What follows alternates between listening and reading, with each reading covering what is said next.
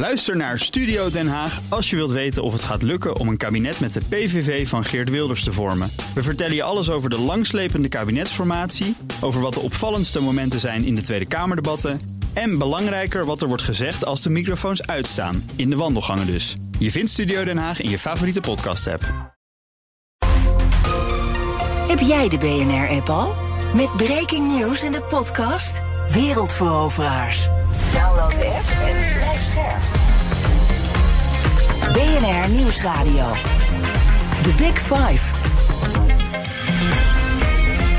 Diana Matroos. Na anderhalf jaar oorlog in Oekraïne is er nog altijd geen grote doorbraak bereikt. Hoe kan dat? En is er een weg uit deze impasse door Zelensky en Poetin toch aan die onderhandelingstafel te krijgen? En hoe wordt dit alles door al die aanstaande verkiezingen in uh, aparte EU-landen, in Europa, de Verenigde Staten beïnvloed? Dat bespreek ik deze week met een indrukwekkende line-up. Vijf kopstukken in BNR's Big Five van het moeizame tegenoffensief. En vandaag zullen onze luisteraars heel erg blij zijn. Een heel uur lang Rob de Wijk. uh, hoogleraar internationale betrekkingen aan de Universiteit Leiden. Je bent natuurlijk vaker hier ook uh, bij de Big Five geweest. Mm. Oprichter van het Den Haag Centrum voor Strategische Studies. Maar natuurlijk het allerbekendst op dit moment als stem bij Boekenstein in de Wijk. Ja. De podcast, ja. Uh, welkom Rob, fijn dat je er weer bent. ik ga zo meteen natuurlijk uiteraard het laatste nieuws met je doornemen. Maar voordat we dat gaan doen, even twee zaken die belangrijk zijn om je even voor te leggen. Het eerste is, je loopt natuurlijk al ongelooflijk lang mee in de defensiewereld, geopolitiek. Mm. En je prikt dus ook zo door alle claims en onzinverhalen heen. Hoeveel onzinteksten hoor je over de oorlog? Oh, elke dag tientallen. Ja, de analyse, analyses zijn vaak uh, buitengewoon oppervlakkig. Men, uh, men uh, ziet het complete plaatje niet. Uh, de, de, laatste was ook op Twitter, of X heet dat dan tegenwoordig, was ook een hele discussie. Op zich is dat heel goed dat die discussies er zijn. waar mensen dus enorm focussen op wat er op, in een heel klein gebiedje gebeurt. Mm -hmm. En dan uh, robotine is een mooi voorbeeld uh, daarvan. Uh, nou, dat is ook indrukwekkend wat de Oekraïners daar voor elkaar krijgen. Maar vergeet dan even dat even verderop in Kupiansk de Oekraïners aan het verliezen zijn. dus men focust zich heel erg op, op tactische issues. Uh, dus kleinschalig, heel erg lokaal. Maar vergeet dus eigenlijk wat er gewoon in het totale plaatje gebeurt. Wat er strategisch gebeurt. En, uh, en je kunt wel een tactische overwinning boeken. Dus je kan een plaatsje innemen. Maar dat wil nog niet zeggen dat je de oorlog hebt gewonnen. Nou, dat soort dingen die zijn wel buitengewoon, uh, buitengewoon belangrijk. En dit zijn dus ook, dit is niet een bepaald deel, alleen de, de, de politieke analisten. Of dit is gewoon breed. Ja, maar wat, er een, wat ook heel interessant is, is dat. Uh, als je kijkt hoe er geanalyseerd wordt en hoe er gesproken wordt, dan staan er twee scholen tegenover elkaar. Dat is de idealistische school die zegt van uh, Oekraïne moet winnen. En zich dan niet de vraag stelt van hoe dan. En je hebt, laten we zeggen, de wat meer realistische school die zegt van oké, okay, misschien zijn we het daarmee eens, maar hoe dan? En kan dat of kan dat niet? En wat is winnen dus eigenlijk? En die twee ja. die, uh, die, die staan tegenover elkaar. Ik, ik vind het. Uh, ik ben bezig met een nieuw boek. Daar ben ik de afgelopen maanden mee begonnen. Mm -hmm. en, eigenlijk is zeg maar de, de, de teneur van. Ja, wat hebben we nou geleerd van het verleden? Nou, dat blijkt dus verdomd weinig te zijn. en ik heb eens een analyse gemaakt van Srebrenica. En wat er toen ook in de media gebeurde en wat de analyses waren en uh, wat de discussies waren. Nou, dat is precies hetzelfde als nu. He, er staan ook dus zeg maar, die realisten tegenover die idealisten. Die idealisten die zeggen, we moeten naar Srebrenica toe. Kosten wat het kost. En de realisten zeiden van, nou, tut, ho, ho. Uh, laten we eens even kijken wat er mogelijk is. Ik heb het NIOT-rapport, bijna 4000 pagina's, nog eens even uh, erop na zitten slaan. En daar wordt dus heel hard ingezet tegen die idealisten. Ja. Uh, die eigenlijk het debat hebben gedomineerd, de politiek hebben gedomineerd. Uh, militairen die zeiden van ja, maar dit willen we niet. Maar oké, okay, jullie zijn de baaspolitici, dus doen we het maar. En diezelfde discussie zie je nu weer. Er is echt niets veranderd. Zelfs de koppen in de kranten zijn hetzelfde. En dat, dat is natuurlijk ook omdat we natuurlijk niet willen dat dit er nee, is. Nee, dat wil ik ook niet. nee. Ik wil dat ook niet. Nee. Maar het, het hele punt is, ik kan dat wel. Ik kan, kan wel zoveel niet willen. Ik, het is nou waardeloos weer. Ik wil dat de zon schijnt, maar dat heb ik gewoon niet te willen. Uh, dus ik moet nu dealen met, uh, met de regenbuien die op dit ogenblik uh, over mij heen ja. komen. Um, en ik en ik kan ook niet voorspellen hoe het morgen is. Nou, en zeker niet volgende week. Nee, maar we kunnen wel vanuit het realisme met elkaar spreken. Want dat zeg je, dat, dat blijft in alle nou ja, tijden belangrijk. Ja, wat je niet realisme, in wordt afgenomen trouwens. Ja, realisme is dus niet, uh, zeg maar, uh, amoreel. Nee. Het is ook namelijk amoreel als je, en dat is natuurlijk gebeurd met, uh, met Srebrenica... als je levens opoffert, opoffert ook je eigen levens van je eigen mensen opoffert... aan, een, aan iets wat niet niet te bereiken is. Ja, en, en, dat, en, en nou ja, de grote vraag is: is dat nu weer aan de hand ook met, uh, met Oekraïne? Dus en dat het antwoord is ja. Een, een, endgame toegaan wat eigenlijk niet haalbaar is. En daar allerlei ja, dingen voor kunnen. opofferen. Ja. Ook, ook in het Westen dingen voor nou opofferen? Ja, mijn grote angst van dit hele conflict is uh, dat uh, uh, vorig jaar zijn er onderhandelingen geweest achter de schermen daarvan heb ik toen gezegd, maar daar ben ik ook echt voor afgemaakt. Van nou, eigenlijk valt het nog wel mee wat, wat die Russen willen. Eh, ze, wilden, eh, ze wilden neutraliteit van Oekraïne en ze wilden de Donbass in bezit hebben. Dat, dat schijnt op tafel te hebben gelegd. Dat was iets anders dan wat ze oorspronkelijk wilden, namelijk een regime change, een denazificering van, uh, van Oekraïne. Dat betekent het hele regime weg. En demilitarisering, dat betekent bezetting van het hele grondgebied. Nou, iedereen zei die de wijk is gek. Maar uh, mijn grote angst is dat wij over een jaar tot de conclusie komen, honderdduizenden doden verder, dat de uitkomst voor Oekraïne nog veel slechter is dan wat het toen was. En misschien dus ook voor ons. Oh, zeker. Ja. Oh, zeker. Want oh, wat staat er voor ons op het spel? Ja, toch wel in zeer belangrijke mate de toekomstige veiligheid van Europa. Uh, voor wat voor ons op, op het spel staat, is. Uh, dat wij naar een situatie toe gaan uh, waar de Koude Oorlog niks mee is. We gaan naar wat ik wel heb genoemd uh, containment 2.0. Containment was dus de, de strategie die we tijdens de Koude Oorlog hadden om Oekraïne, oh, sorry, om Rusland, Sovjet-Unie af te grendelen. Mm -hmm. Uh, maar er waren behoorlijk wat contacten over en weer. Maar containment 2.0 betekent een complete afgrendeling met een minimalisering van de contacten. Waarbij ook uh, de Russen hun politieke en uh, economische zwaartepunt gaan verleggen naar andere delen van de wereld. En dat gebeurt nu ook. Dat hebben we de afgelopen tijd met de BRICS gezien. Uh, waar, uh, waar je toch van moet constateren dat voor in ieder geval voor, voor Poetin, uh, dit toch iets is om zijn eigen legitimiteit toch wel overeind te, te houden. En om uh, toch een uitweg te krijgen uit uh, die sancties die door het Westen zijn op. ja, gaan we het zo meteen nog uitgebreid ja. over hebben. Want dat is dus echt die, die, die gevolgen die zijn echt groot hoor, voor Europa. Dus je gaat naar een terugkeer naar de Koude Oorlog. Ja. Je gaat naar een militarisering van de, van de betrekkingen. en als Europa dit verliest met Amerika. Je mag niet zeggen de NAVO, want die is niet bij betrokken. Maar Europa en Amerika, of EU en Amerika, dat is eigenlijk, eh, als die dit verliezen. dan is dat natuurlijk een, eh, een signaal voor bijvoorbeeld China. om gewoon veel assertiever te worden in, eh, in de Zuid-Chinese Zee. in de zee rond Taiwan, Taiwan zelf. Mm dus dat ga je dan krijgen. Vanuit uh, dit uh, realisme, wat, wat zijn dan de verstandige zaken om te doen? Want uh, ik hoor van alle sprekers tot nu toe, van alle gasten, dat er echt nog geen plek aan die onderhandelingstafel ja. aan het ontstaan is. Nee, en dat, het nog heel lang gaat dat, duren. Dat momentum is, is verloren gegaan. Toen. Ja. ja, dat is in, de, in zo april, mei vorig jaar is dat verloren gegaan. En eh, ik kan me dat goed voorstellen, want uh, ja, Zelensky had ook zoiets van: ik heb al die, eh, die Russen uit, uh, uit het noorden getrapt bij Kiev.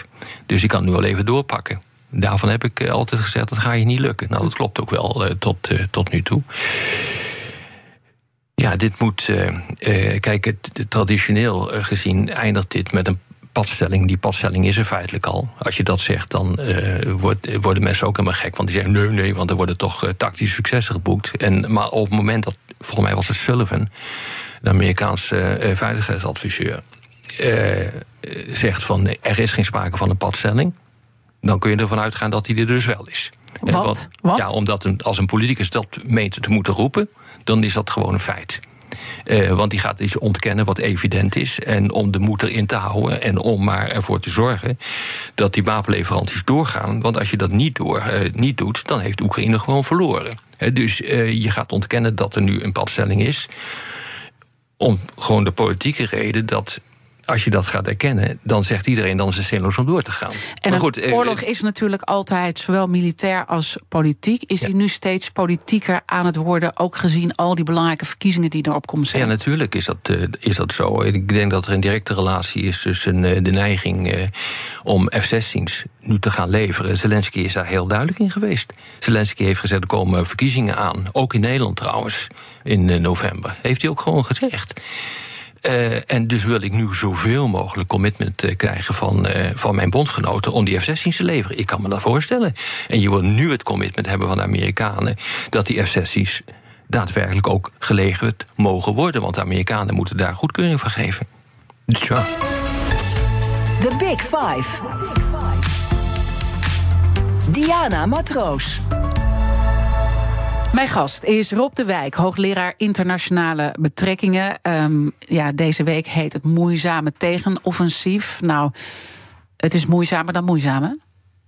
Ja, en bovendien eh, zijn het net communicerende vaten, bij wijze van spreken. Wat, ze bedoel je win- dat? wat ze winnen in eh, de Oekraïners winnen in de Zaporizhia-oblast, eh, ten zuiden van Origiv, eh, met de doorbraak bij, bij Robertine. Dat is goed en dat is geweldig. Eh, maar tegelijkertijd moet je constateren dat er eh, behoorlijke evacuaties zijn geweest door Oekraïne, omdat bij Kupiansk eh, de Russen aan het oprukken zijn. En dat ligt dan verder eh, naar het oosten.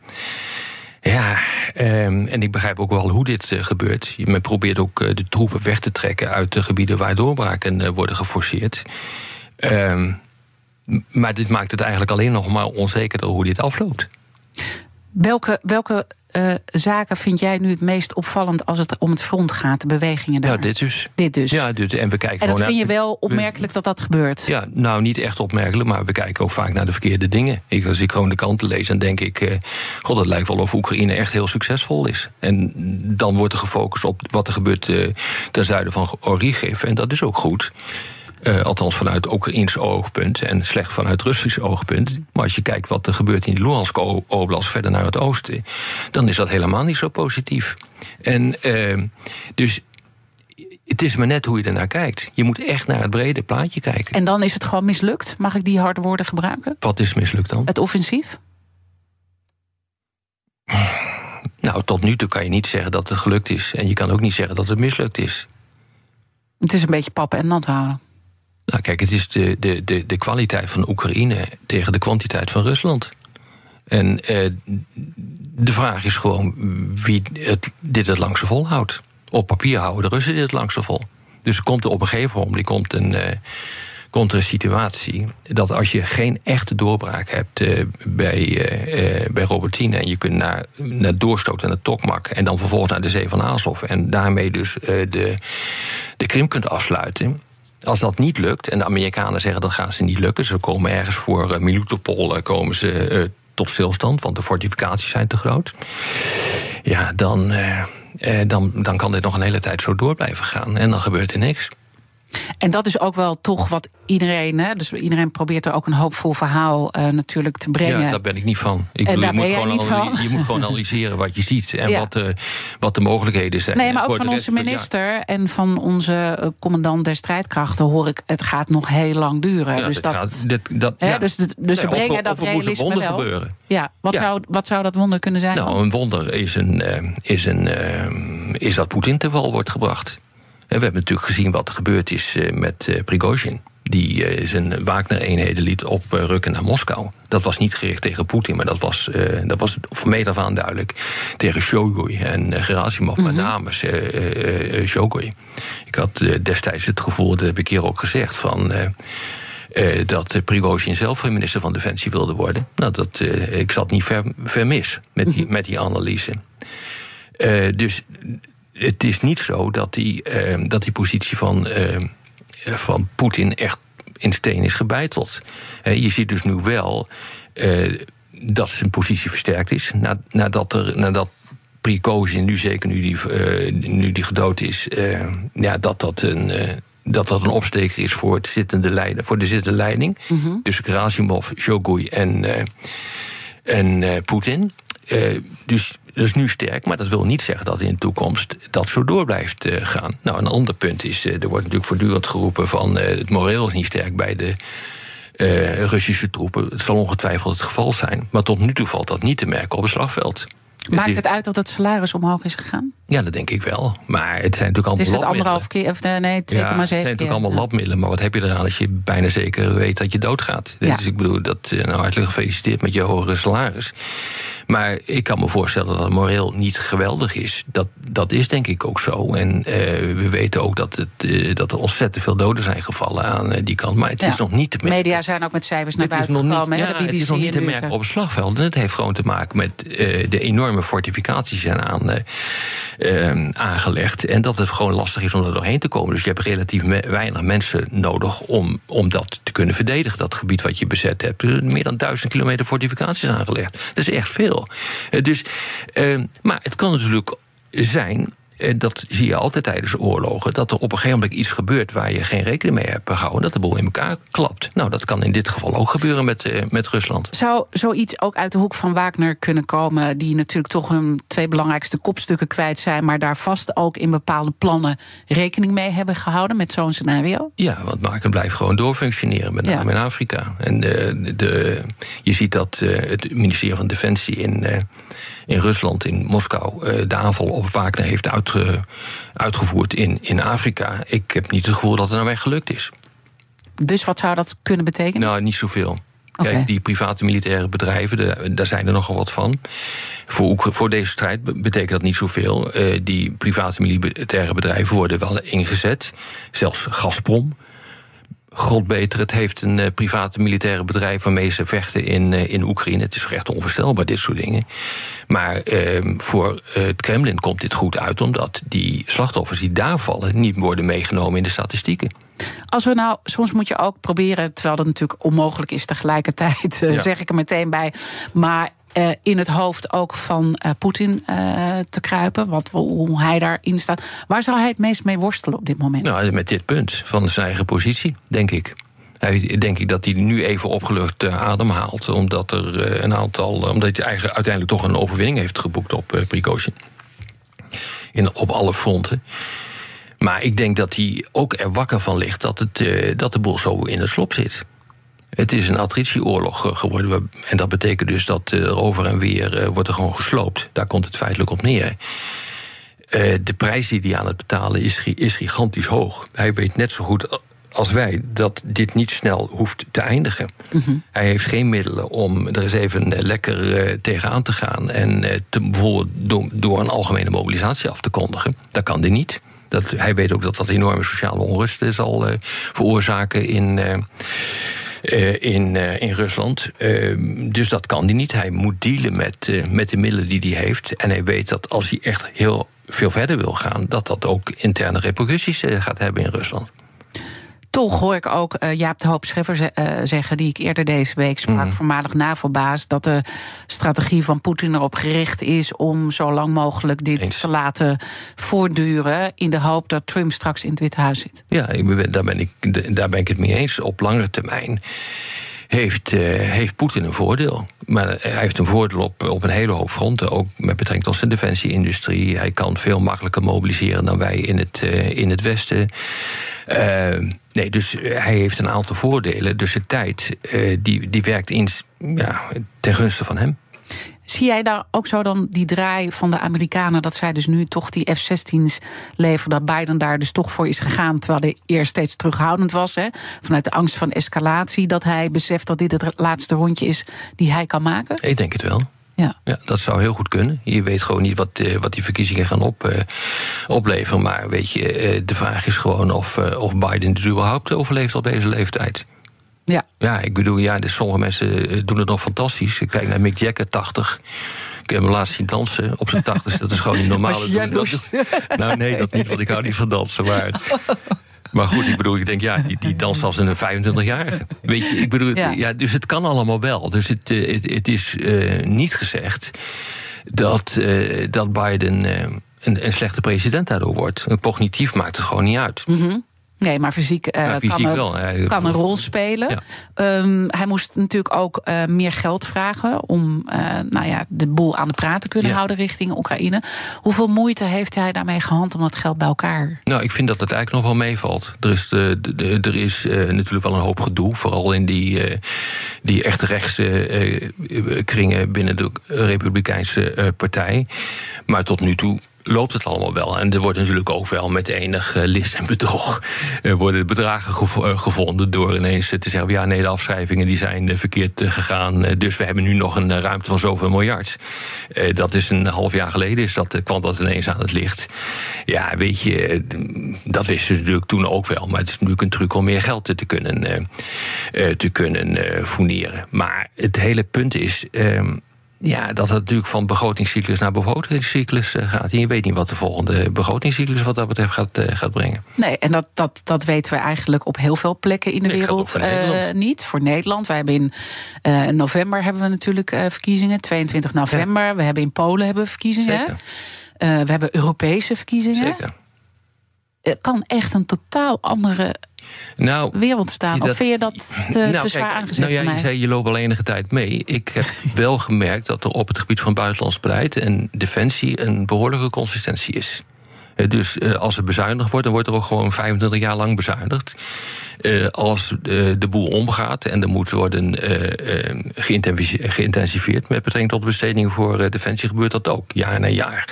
het, ehm, ook steun aan landen, het voorzetten van operaties, daar zit een behoorlijke consistentie in. Het is dus, ik heb nooit meegemaakt, zelfs niet onder Trump, dat het in één klap helemaal anders werd. Nou, Trump, Trump heeft toch wel een heleboel dingen gezegd. hier gaan we direct mee stoppen. Ja, maar het, dat heeft hij in een aantal gevallen ook weer niet gedaan. Hij heeft wel gezegd van we gaan stoppen met, uh, uh, met Afghanistan. Maar Biden heeft de troepen eruit gehaald. Dat is waar. En ja. uh, dat, datzelfde zagen we in het Midden-Oosten gebeuren. natuurlijk is er veel schade aangericht onder Trump. Maar een hele hoop dingen zijn ook hetzelfde gebleven. Maak je je zorgen over als Trump aan de macht ja, komt? ik vind dat wel. Maar ik maak me eerlijk gezegd dan vooral zorgen over wat dit gaat betekenen voor de, voor de transatlantische betrekkingen. Voor het westerse blok, voor zover er sprake is van een blok. Onder Trump was er geen westers blok.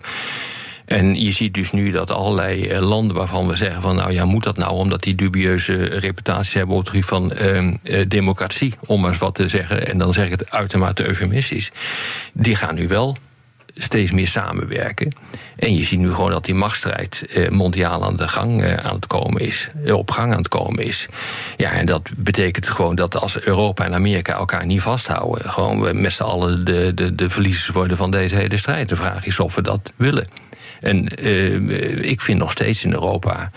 Uh, dat, er het, dat het idee bestaat uh, dat het allemaal zo vaart niet loopt. Nou, het loopt zo vaart wel.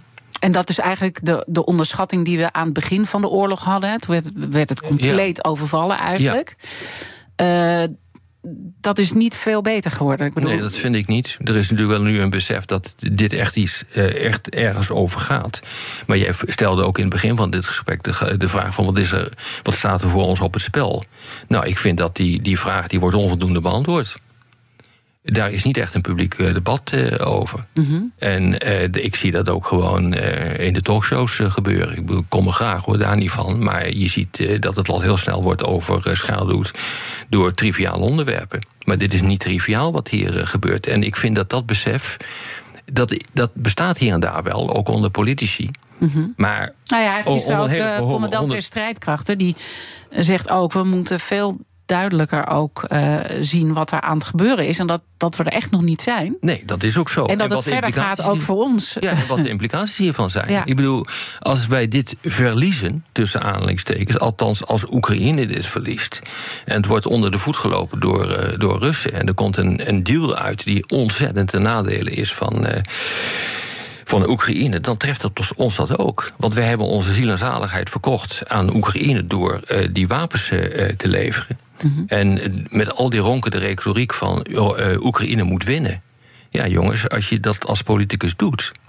Amerika is daar veel prudenter in. Die mhm. zegt van nee, ik wil dat Oekraïne een goede onderhandelingstafel, een goede positie aan de onderhandelingstafel. En wat zou dan het worst maar de Europese scenario roepen van hij moet winnen. Ja, en wij geloven ook natuurlijk heel erg in heldenverhalen. En dat is natuurlijk allemaal heel mooi als verhaal. Maar, ja, maar dan kom je weer bij dat realisme. Ja, maar hoe dan? Ik bedoel, de maar wat kan de implicatie hiervan zijn dan? Als Oekraïne verliest? Ja. Nou, dat je dus een complete verschuiving krijgt in de wereldorde. Dat uh, China uh, in zijn handen zit te wrijven. Die zegt van oké, prima, dus dit gaat mis. Uh, wij gaan assertiever worden in, ten aanzien van Taiwan. Ik heb het al even gezegd, Zuid-Chinese Zee, Indo-Pacific, ga zo maar door. Dat, dit is de definitieve afgang van Amerika en, en Europa. En zo, zal, zo zullen de BRICS dat ook zien. dat, Rusland voorop. Laten we daar dan zo meteen uitgebreid over verder praten. En je wordt ook kwetsbaarder. Uh, we worden kwetsbaarder. Uh, we gaan de BRICS uitgebreid uh, bespreken. En ook uh, een eventueel NAVO-lidmaatschap ja. van Oekraïne. Ook een belangrijk punt. Met Rob de Wijk, mijn gast. blijf dus vooral luisteren. Straks tweede deel van de Big Five. Ook Harm Edens vind je in de BNR-app. Je kunt BNR Duurzaam niet alleen live luisteren in de app, maar ook terugluisteren als podcast, zoals al onze podcasts. En naast dat de BNR-app Breaking News meldt, houden we je ook op de hoogte van het laatste zakelijke nieuws. Download nu de gratis BNR-app en blijf scherp. Blijf scherp. BNR Nieuwsradio. The Big Five. Diana Matroos. Welkom bij het tweede half uur. Deze week praat ik met vijf prominenten over het moeizame tegenoffensief van Oekraïne. Eerder deze week sprak ik al met onze demissionair minister van Defensie, Kasia Olongren. Met onze commandant der strijdkrachten, Onno Eigelsheim. Het is natuurlijk allemaal, zoals altijd, terug te luisteren in onze BNR-app. En ook zij uh, nou ja, zien voor zich dat dit nog echt uh, heel lang gaat duren, deze oorlog. Omdat gewoon de boel is vastgelopen. En dat is ook de conclusie van van mijn gast vandaag, Rob de Wijk. Hij is hoogleraar internationale betrekkingen, oprichter van het uh, Den Haag Centrum voor Strategische Studies. En natuurlijk uh, zeer bekend hier op deze zender van de podcast Boekenstein en de Wijk. Uh, komend half uur, Rob, wil ik nog een paar belangrijke onderwerpen met je aankaarten. de toekomstige relatie tussen het Westen en Oekraïne. En laten we dan ook het NAVO, mogelijk NAVO-lidmaatschap, daarbij ook aantekenen. En de geopolitieke verhoudingen die steeds verder onder spanning uh, komen te staan. En laten we met het laatste beginnen. En dan wil ik ook graag de kettingvraag bijpakken. Uh, want uh, eerder sprak ik, zoals gezegd, met commandant der strijdkrachten Onno Eigelshem. En die had deze vraag voor jou. Ja, ik zou Rob willen vragen. We hadden het net over de strijd rondom Oekraïne en rondom uh, de bondgenootschap. Maar we hebben met veel meer dreigingen te maken. We zien de spanningen oplopen in de Indo-Pacific. We zien in Gabon vandaag ook in Afrika dat het ook daar niet de goede kant op gaat. Dus we zien allerlei uh, terroristische en jihadistische bewegingen, zowel in het Midden-Oosten als in Afrika, opkomen. Dat betekent dat Europa steeds meer onder druk komt te staan. Welke rol moet Europa nou eigenlijk in die veiligheidsvraagstukken gaan spelen? Moeten ze zich alleen beperken tot het Europees grondgebied of gaat ons veiligheidsbelang ook veel verder? En hoe kijkt je daar nu naar en hoe zou hij dat in de toekomst willen zien? Ja, dat is natuurlijk een ontzettend goede vraag. En het, het eerste waar ik over viel is het woord moeten. Ik denk eh, dat de vraag, wat, wat kunnen we nou eigenlijk? want we hebben onze krijgsmacht hebben we behoorlijk eh, uitgekleed eh, de afgelopen nou decennia. Dus we we moeten misschien wel een hoop, maar we kunnen niet zoveel. Mm Nou, we kunnen wel meer dan in het verleden. Dat in ieder geval. Of nee, ben ik weer. Nee, dat denk ik niet. optimistisch? Nee, dat denk ik niet. Hm. Want uh, de defensiebudgetten gaan omhoog. Er is wel geïnvesteerd. Maar het is nog niet zo dat de boel op orde is. Dat duurt nog wat tien, misschien wel vijftien jaar. dus, uh, en je moet dus een, een keuze maken tussen waar je nou je prioriteit gaat leggen. Is dat de collectieve uh, verdediging van het NAVO-verdragsgebied? Daar zijn spullen voor nodig?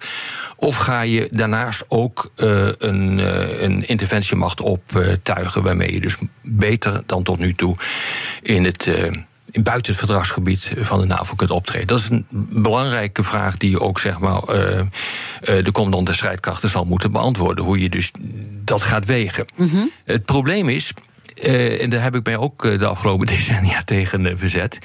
Eh, dat is die morele politiek. Het, er gaat een hele hoop fout in de wereld, maar de vraag is wat je eraan moet doen. En onze track record, als het gaat om vredesoperaties, stabilisatieoperaties, is niet geweldig. Het laatste ISHEC is natuurlijk Afghanistan geweest, uh, waar het Westen zich eigenlijk uh, uh, ja, onder tamelijk schadelijke omstandigheden uit heeft teruggetrokken. Mm -hmm. Dus daar hoeven, kunnen we niet, hoeven niet al te moeilijk over te doen. Dus les 1, kijk uit met morele politiek. Iets wat juist is, ja. om te doen, moreel, hoeft nog niet te kunnen. Eigenlijk ook, uh, want dat is een beetje de samenvatting van ons eerste exact. half uur. Is dat jij zegt van we hebben een bepaald doel gesteld, ja. eigenlijk te grote woorden gebruikt. Ja. Uh, van we moeten winnen. Ja of Oekraïne moet winnen, ja. wat eigenlijk niet realistisch is. En daar zitten we nu Klopt. in ik, ben vast. Te, ik was tegen vrijwel alle, vrijwel alle uh, interventies van de afgelopen decennia.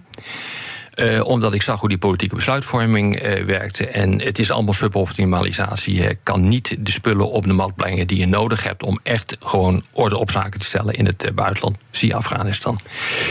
Je moet dus heel goed kijken naar welke belangen voor jezelf op het spel staan. Kan, dat kan economisch zijn, dat kan economisch te maken hebben met, met grondstoffen. Je, je moet, vaarroutes zijn voor Nederland heel erg belangrijk. Bedreiging van de vaarroutes door de Indo-Pacific. Dat is wel een reden voor Nederland om daar eens even heel goed naar te kijken. En een bijdrage te leveren aan Amerikaanse operaties. Is ook gebeurd. Dus mm. ben ik ook, daar ben ik dan weer een voorstander van. Uh, dus op het moment dat de wereld gaat veranderen. Uh, en het Westen zwakker wordt, is er veel minder ruimte voor morele politiek. En dat is wat we de afgelopen 30 jaar hebben gedaan. Mm -hmm. En we zijn met die, dat idee van die morele politiek zijn we ook Oekraïne. Dus we hebben onze eigen hand overspeeld nu? Ja. Uh, en, en, en dat heeft niet alleen impact voor die oorlog nu in Oekraïne, maar ook dus voor de toekomstige dingen die we kunnen doen. Want we ja, zitten eigenlijk vast aan die lijn met Oekraïne. Want dat ja, wat je dus loslaten. doet, is je gaat met de mindset van vredesoperaties, stabilisatieoperaties, ga je Oekraïne in. Het is een morele politiek, zeker in Nederland, die loopt er echt in, voorop in Europa. Uh, maar dat wil nog niet zeggen dat het succesvol is. Want al die morele politieke uitbarstingen die we de afgelopen decennia hebben gezien, die zijn in grosso modo zijn die niet goed afgelopen.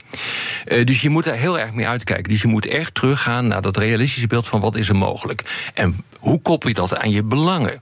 Dus als Nederland echt geschaald wordt, dan heb je gewoon geen, geen andere keus dan om in coalitieverband in te grijpen, ook buiten het NAVO-verdragsgebied.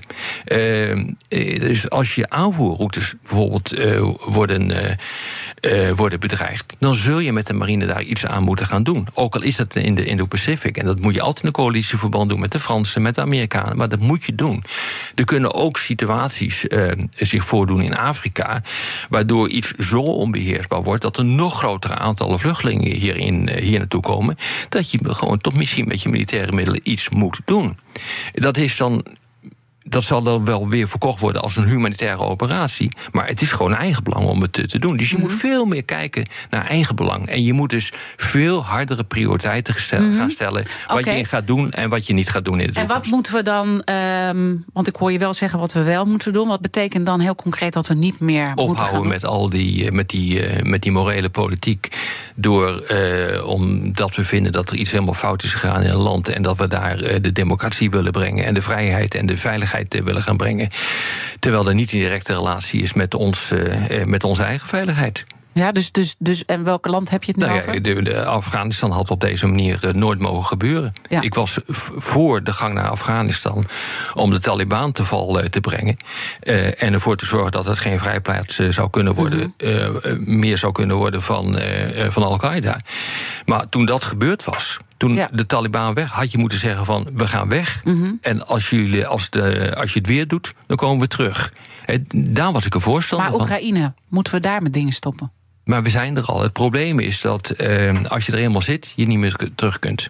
Dat is het hele probleem. Je zit echt gevangen. Ja, je, je wordt gevangene van je eigen besluit. Dus op het moment dat je dat besluit om ergens naartoe te gaan, uh, ook al is dat geen vitaal belang. Maar als je er zit, dan wordt terugtrekking zo'n politiek uh, probleem dat het wel een vitaal belang begint te, te worden. Ja, dat klinkt wat, uh, wat ja. ingewikkeld, maar dat nee, is het op zich je. niet. Ik snap je, maar waar ik over na zit te denken... wat was het alternatief geweest? Als je nou helemaal naar het begin uh, gaat... en we hadden dan niet uh, die stap gemaakt... Nou, dan had hadden dit- wij Oekraïne opgegeven. En dan, eh, dan had dat ook een negatieve uitwerking gehad. Want dan had Poetin ook ons uitgelachen van... joh, het laat je gewoon gebeuren bij een van je Ja, buurlanden. maar dat is ook zo. Maar dit zijn. Daarom worstel ik zelf ook met de vraag: is Oekraïne nou een vitaal belang of niet? Als je naar het publieke debat luistert, dan is dat niet zo. Ga, ga op een terras zitten, vraag het aan de mensen. Ja, oh ja, Oekraïne. Maar het komt wel heel dicht in de buurt. Dit is een twijfelgeval. Omdat eh, als Oekraïne dit verliest. en eh, Oekraïne wordt bezet door Rusland. dan zijn de consequenties niet te overzien. Ook voor de Europese veiligheid. Maar als we nu, eh, als Oekraïne verliest... dan is nog even de vraag, wat is verliezen? Hè? Maar Ja. eh, dan, dan, dan zijn we ook de Sjaak eigenlijk. Ja, Want nee, je bent dan- altijd een sjaak. In, de, in dit soort. Dit is gewoon een, een onmogelijke situatie waarin we zitten. Eh, dus in. Kijk, wat we. In het begin hadden we. Hadden, had de politiek. eh, mensen als von der Leyen voorop. die hadden hun, hun doelstellingen beter moeten formuleren. Van wat wil je nou eigenlijk mee bereiken? En eh, ik, ik hoor von der Leyen nog roepen. Ik was een keer in eh, Bratislava bij een bijeenkomst eh, met een video. eh, link naar Zelensky. En we moeten, we moeten eh, de warmachine van Rusland slopen. Ja. Ja. Zelensky zegt ja, ja. Ja, ik zie de experts naar elkaar kijken. Die zeggen, maar, maar, maar hoe dan? Hoe gaan, Ja. we dat dan? hoe gaan we dat dan doen? Dus we hebben ons gecommitteerd aan winnen. Wat gewoon heel erg lastig is. Dus je moet inderdaad definiëren wat winnen is. En dat heeft alles ook te maken met de hele discussie over de uitbreiding van de NAVO. Want dat heb je ook genoemd. Nou, ik zie niet zo goed in op dit ogenblik een scenario waarin dat makkelijk wordt. Dus eh, Rusland zal er alles aan doen om eh, dat land tot in lengte van jaren te ontregelen. Nou, en zolang dat het geval is, kan je, Ja. kan je Wat- dat NAVO-lidmaatschap wel- wel vergeten. Wat zou wel acceptabel zijn voor Rusland als er een soort NAVO-raad komt, zoals ook wel is genoemd, waar Oekraïne toch. Nee, het is allemaal gepasseerd Of- station. Rusland wil maar één ding en dat is eh, neutraliteit van, eh, neutraliteit van, eh, van Oekraïne. Dus van elk scenario waar de NAVO een rol bij speelt, al is het een NAVO-raad, al is dat het is een voor bepaald- de Russen alleen maar een reden om door te blijven vechten. En, eh, eh, maar ik kan me voorstellen dat je dat land bij, eh, bij de NAVO trekt. Dus ik ben daar op zich een voorstander van. Maar ik zie niet goed in hoe Nee. op dit ogenblik. Nee. Dus eigenlijk zitten dat soort. en ik bedoel, jij, Ja, ik jij weet wel spreekt hoe je ook al die moeten mensen. doen. Ja, hoe zou je het moeten Nou ja, doen dan? wat je zou moeten doen is op het moment dat er een staakt het vuren is... en dat gaat er een keer komen, ik bedoel, alles komt tot een einde op een gegeven ogenblik... dan zul je op dat moment gewoon een, het besluit moeten nemen... om in één klap eh, Oekraïne lid te, worden van, lid te laten worden van de NAVO. Dus oh, donderdag staakt het vuren, vrijdag lidmaatschap. Maar dat kan niet in democratieën. Want dat moet allemaal geratificeerd worden. Je krijgt oeverloos, eh, oeverloze debatten over hoe dan, welke voorwaarden. Maar die moet je nu allemaal voeren achter de schermen. Want je moet, maar je moet nu eigenlijk iets heel onconventioneels en onorthodox doen. Zeggen van oké, als er gestaakt het vuren is... dan wordt het deel dat niet bezet is door Rusland... wordt lid van, van de NAVO. Dan Ja. heeft Rusland echt een geweldig probleem als dat eh, gebeurt. Maar dat, dat kan niet in een democratie. Nee. En dus probeer ik, en we moeten ook oppassen dat we niet speculeren natuurlijk. ehm, maar vanuit eh, het feit dat er geen grote game changes tot nu toe zijn Nee. geweest, dat die daar ook die niet aan zitten te komen. We kunnen nooit het onverwachte natuurlijk, hè, wat, wat, wat jij al benoemde. Er kan natuurlijk iets gebeuren. De game changers zijn, zijn onverwachte gebeurtenissen... zoals Ja. een implosie in, eh, eh, van het regime in Moskou... of een implosie van de bereidheid om te vechten in, eh, Mhm. in Oekraïne door de Russen. Dat, dat, dat, is, dat zijn game changers die ik op dit ogenblik kan bedenken. Maar, Maar- daar kun je niet op plannen. Maar een, een, een, een realistisch eindscenario, en ik zal je er niet op vastpinnen, want Ik kan hem op het ogenblik niet... Nou, het meest realistische eindscenario... waar denk ik 80, 90 procent van de, de analisten het over eens is... is een eh bevoren conflict. Eh, dus eh, een deel van Oekraïne zal bezet eh, blijven. Ehm, en eh, eh, Rusland zal proberen de spanning op te poken... en te deescaleren al naar eh, gelang het uitkomt... Ehm, en zal eh, proberen om continue chaos in, eh, in Oekraïne te creëren, zodat eh, dat land gewoon geen lid kan worden van de NAVO. Dat is denk ik het meest waarschijnlijke scenario op dit ogenblik. Ook Diana Matroos vind je in de BNR-app. Ja, inderdaad. Je kunt live naar mij luisteren tijdens de Big Five. Ook handig in de BNR-app. Breaking nieuwsmeldingen, maar ook het allerlaatste zakelijke nieuws. En je vindt in de app alle BNR-podcasts, waaronder Wetenschap Vandaag. Download nu de gratis BNR-app en blijf scherp. BNR Nieuwsradio. The Big Five. Diana Matroos. Je luistert naar BNR's Big Five van het moeizame tegenoffensief in Oekraïne. Eerder deze week sprak ik daar al over met voormalig NAVO-baas Jaap de Hoop Scheffer. En hij ligt dan ook uitgebreid toe waarom hij denkt dat Poetin deze oorlog zo lang mogelijk wil laten duren. Uh, gezien ook de Amerikaanse verkiezingen. Daar gaan we uitgebreid op in. Het is terug te luisteren via bnr.nl en de bekende podcastkanalen. Mijn gast vandaag is ook leraar internationale betrekkingen Rob de Wijk. Uh, Rob, uh, natuurlijk gaat de kettingvraag ook door. Je hebt er eerder eentje beantwoord van onze commandant der strijdkrachten, Onno Eigels. morgen sluit ik de week af met Pieter Koblenz. Hij is natuurlijk de oude MIVD-baas. Zeker. Militaire inlichting en veiligheidsdienst. En ook inlichtingen zijn natuurlijk heel erg belangrijk in een uh, oorlog. Wat zou je hem willen vragen? Ja, ik heb een vraag die te maken heeft met het feit dat wij nogal eens een keer eh, de degens hebben gekruist. Uh, op televisie, maar ook volgens mij op uh, de radio. En dat ging dan over de vraag van hoe en wanneer en op welke manier moet er in Oekraïne worden ingegrepen. Pieter, ik was daarbij terughoudender dan jij. jij ehm, vond dat er veel meer moest gebeuren. Ik begrijp dat. Maar tegelijkertijd vond ik het ook vreemd, omdat militairen door de bank genomen degene zijn die het meest terughoudend zijn. Met betrekking tot de inzet van, uh, van militaire macht. Dat was jij niet. Uh, militairen hebben verstand van defensie en zien dus ook de beperkingen uh, van de middelen die ze hebben. wat ik ook opmerkelijk vind, is dat de Europeanen, net zoals jij, Pieter, veel meer havik zijn dan de Amerikanen. En dat is raar, want uh, wij Europeanen hebben defensie verwaarloosd. En kunnen niet zoveel. De Amerikanen hebben dat veel minder gedaan en kunnen heel veel, maar doen het niet en zijn bang voor escalatie. Uh, en het vreemde is dan dat als het escaleert, niet de Amerikanen, maar wij worden getroffen in Europa. Uh, Pieter, wat is hier nou eigenlijk aan de hand? En wie heeft er nou eigenlijk gelijk? De Amerikanen of de Europeanen? Mooie vraag, die ga ik hem zeker stellen. Ik, ben zelf ook, ik heb er zelf ook nog niet echt een antwoord op. dus ik ben heel benieuwd wat hij gaat zeggen. Nou, dat komt natuurlijk een paar keer in ons gesprek terug. Want, want uh, soms weet je vanuit realisme wat je zou ja. moeten en kunnen doen. Hè? Want het is niet alleen moeten, want daar zei je dat woord val ik over in de, in de kettingvraag. Maar het gaat ook om uh, kunnen. En het gaat ook om woorden die ook heel erg belangrijk zijn. Die worden gebruikt waardoor we aan dingen vastzitten ja. die we eigenlijk niet kunnen waarmaken. Ja, het gaat om moeten en kunnen. Ja. Dus de idealisten zitten meer aan de kant van de moeten. Ja. Moeten dit en negeren dan wat er kan. Realisten die zitten veel meer aan de vraag van... oké, wat kan er nou eigenlijk gebeuren?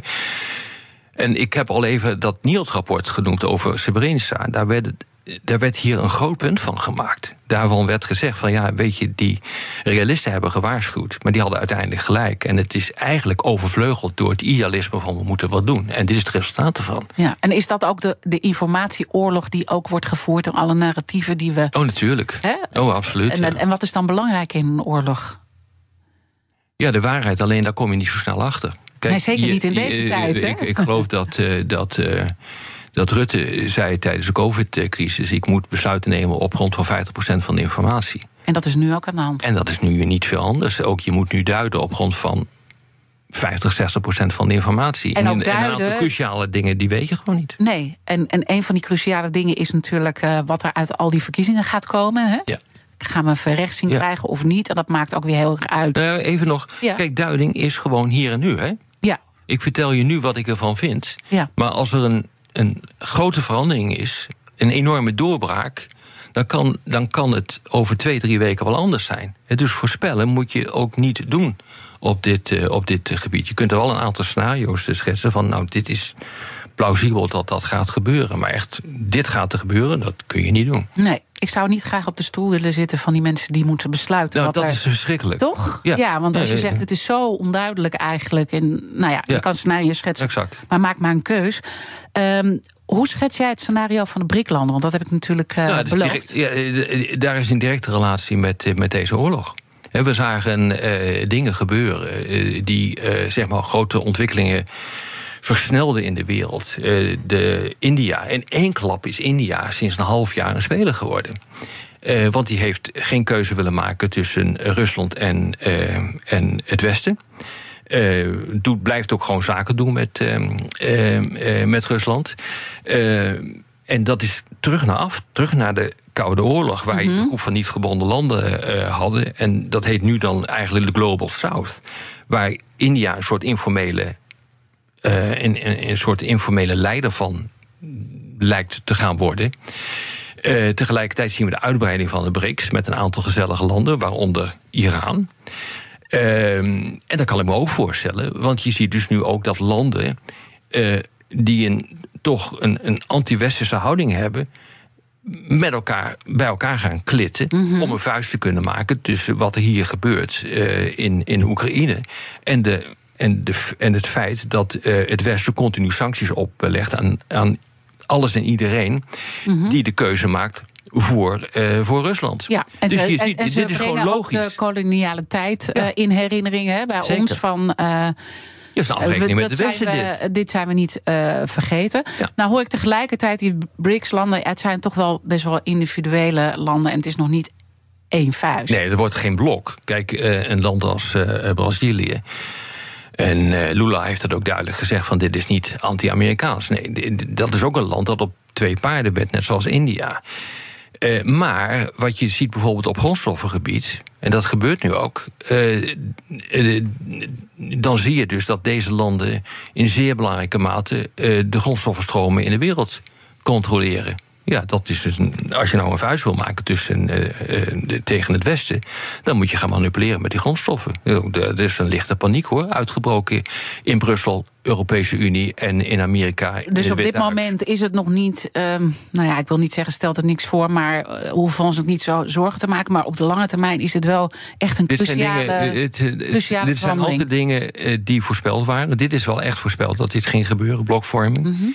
Uh, dat is, maar dat, ja, dat zijn voorspellingen die makkelijk te doen zijn, omdat dit het ABC is van internationale betrekkingen. Mm als, een, als een deel van de wereld een land minder machtig wordt, het Westen in dit eh, geval, ja, en doordat anderen opkomen, dan zie je gewoon dat dit soort verschuivingen uh, optreden. Dus dit was wel te verwachten dat dit ging gebeuren. Maar dat, dat is wel zeer zorgwekkend, wat hier gebeurt voor het Westen. Ja, wat, maar, wat kun je daaraan doen? Nou, niet zo gek veel. Nou ja, je kan je op een bepaalde manier opstellen en proberen ook in de nou, relatie iets te doen. Wat, wat zou... Ja, dit ligt in het verlengde valt, uh, op de vraag uh, die Onno, die Onno ja. stelde. Uh, van wat gaan we nou doen? Ja, je moet toch minder moralistisch gaan worden. Dus je moet je aanpassen aan die nieuwe wereld. En daar is gewoon ja, minder plaats. Ik vind dat zelf ook vervelend. Want ik zou ook wel willen dat ja, goede je zou weer allemaal is, rotopmerkingen krijgen. Ongetwijfeld, ja, maar dat is, uh, dat is onterecht. Want ik ben er op zich ben ik daar wel voor. Ja. Voor een morele politiek. Maar het moet wel kunnen. En uh, als die wereld gaat veranderen, dan is er gewoon minder plaats voor die morele politiek. En dat blijkt nu gewoon uit uh, wat er gebeurt binnen de BRICS. Dat is, echt, dat is toch wel revolutionair, historisch wat er gebeurt op dit ogenblik. India, is dat de belangrijkste speler waar wij ons op moeten richten? Ja, dat denk in dat verband? Want die zijn wel ook, lees ik ook in jouw column in Trouw, hè, schrijf je daar ook ja. uh, over. Uh, natuurlijk ook heel kritisch op China. Jazeker, uh, het is ook geen vriendenclub, de BRICS. Nee. Want het, het, grote probleem zit hem echt tussen China en India. Ja, die hebben toch een aantal oorlogjes met elkaar uitgevoerd de, grote, de marinebouwprogramma's van, van India die zijn anti-Chinees. Mm -hmm. Dus uh, nee, het is geen, vrienden, uh, geen vriendenclub. Maar er is één ding wat hun wel bindt. Dat is een zekere animositeit ten opzichte van die macht van het Westen. En dan kan je dus ook verwachten dat ze op een aantal specifieke punten, bijvoorbeeld grondstoffengebied of uh, energiegebied, gaan samenwerken om dat. om toch druk op het Westen uit te, te oefenen. Maar wij moeten, ja, wij moeten steeds meer onze plaats weten. Ja, het, wordt, echt nog een, ja. een, het wordt echt best nog wel een pittige Maar dat weten we ook al jaren hoor. Dit. Jawel, maar, maar het begint nu eindelijk een keer beginnen door te cijferen. Of, of uh, uh, in de samenleving dit voldoende doordrongen is. Nee, hè, wat er allemaal nee, gaat komen. En we weten nu al dat onze boodschappen veel duurder worden. Maar er komt nog zoveel. Nou, dat hebben we natuurlijk gezien met die hele discussie over Qatar. Ja. He, dus je wil geen, geen, geen gas, geen olie uit Rusland hebben. Ja, je moet het ergens vandaan halen. Maar wil het ook niet uit Qatar hebben, omdat dat een dubieus land is met, waar de democratische waarden en de mensenrechten niet gerespecteerd worden. Ja, op een gegeven moment heb je geen keuze meer. Moet je dat dus doen. Dus je, gaat, je wordt gedwongen tot een minder ethisch buitenlands beleid. Ik bedoel, ik vind dat ook niet fijn, Nee. zeg ik nog maar eens een keer Maar het is een gevecht Maar het is tussen idealen en realisme. En daar ging ook eh, Ja. dit gesprek over. Mijn slotvraag, want ik had nog heel veel willen vragen... ook over de graandeal. Lavrov heeft vandaag gesprekken, maar dat gaat niet meer lukken. Wat Eh, heel goed is trouwens, maar goed. Ja, dat moet de volgende keer. Ja. Maar wat voor winter schets jij voor Oekraïne nu? Ja, gaat gewoon door. Het, ehm, ik, ik, ik denk dat, dat in de winter er, er ook niet heel veel zal gaan veranderen. Voor zover ik het nu kan inschatten. Mhm. We moeten even gewoon kijken wat er nou gebeurt bij Kupjansk. Hoe de Russen daar oprukken. En eh, eh, in, in Zaporizhia eh, Oblast of die Oekraïners verder naar Topmak kunnen gaan. en of ze in de buurt van Melitopol kunnen komen. Als dat gebeurt, is dat al tactisch gezien een geweldige overwinning. Een enorme opsteken voor Oekraïne. Maar dan moeten we even gewoon bekijken, als dat gebeurt, wat de strategische implicaties daarvan zijn. Die zullen denk ik niet ontzettend groot zijn op dit ogenblik.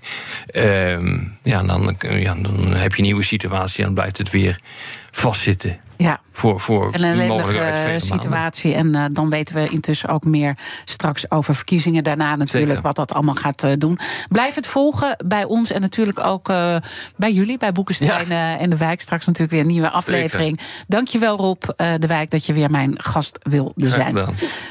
natuurlijk is alles van ons ook terug te luisteren. Ga gewoon naar onze podcast. Dan hoor je alles terug, moet ik zeggen, over de Big Five. En voor nu wens ik je een hele mooie dag. Maar ga zo meteen luisteren naar BNR Breekt, hè?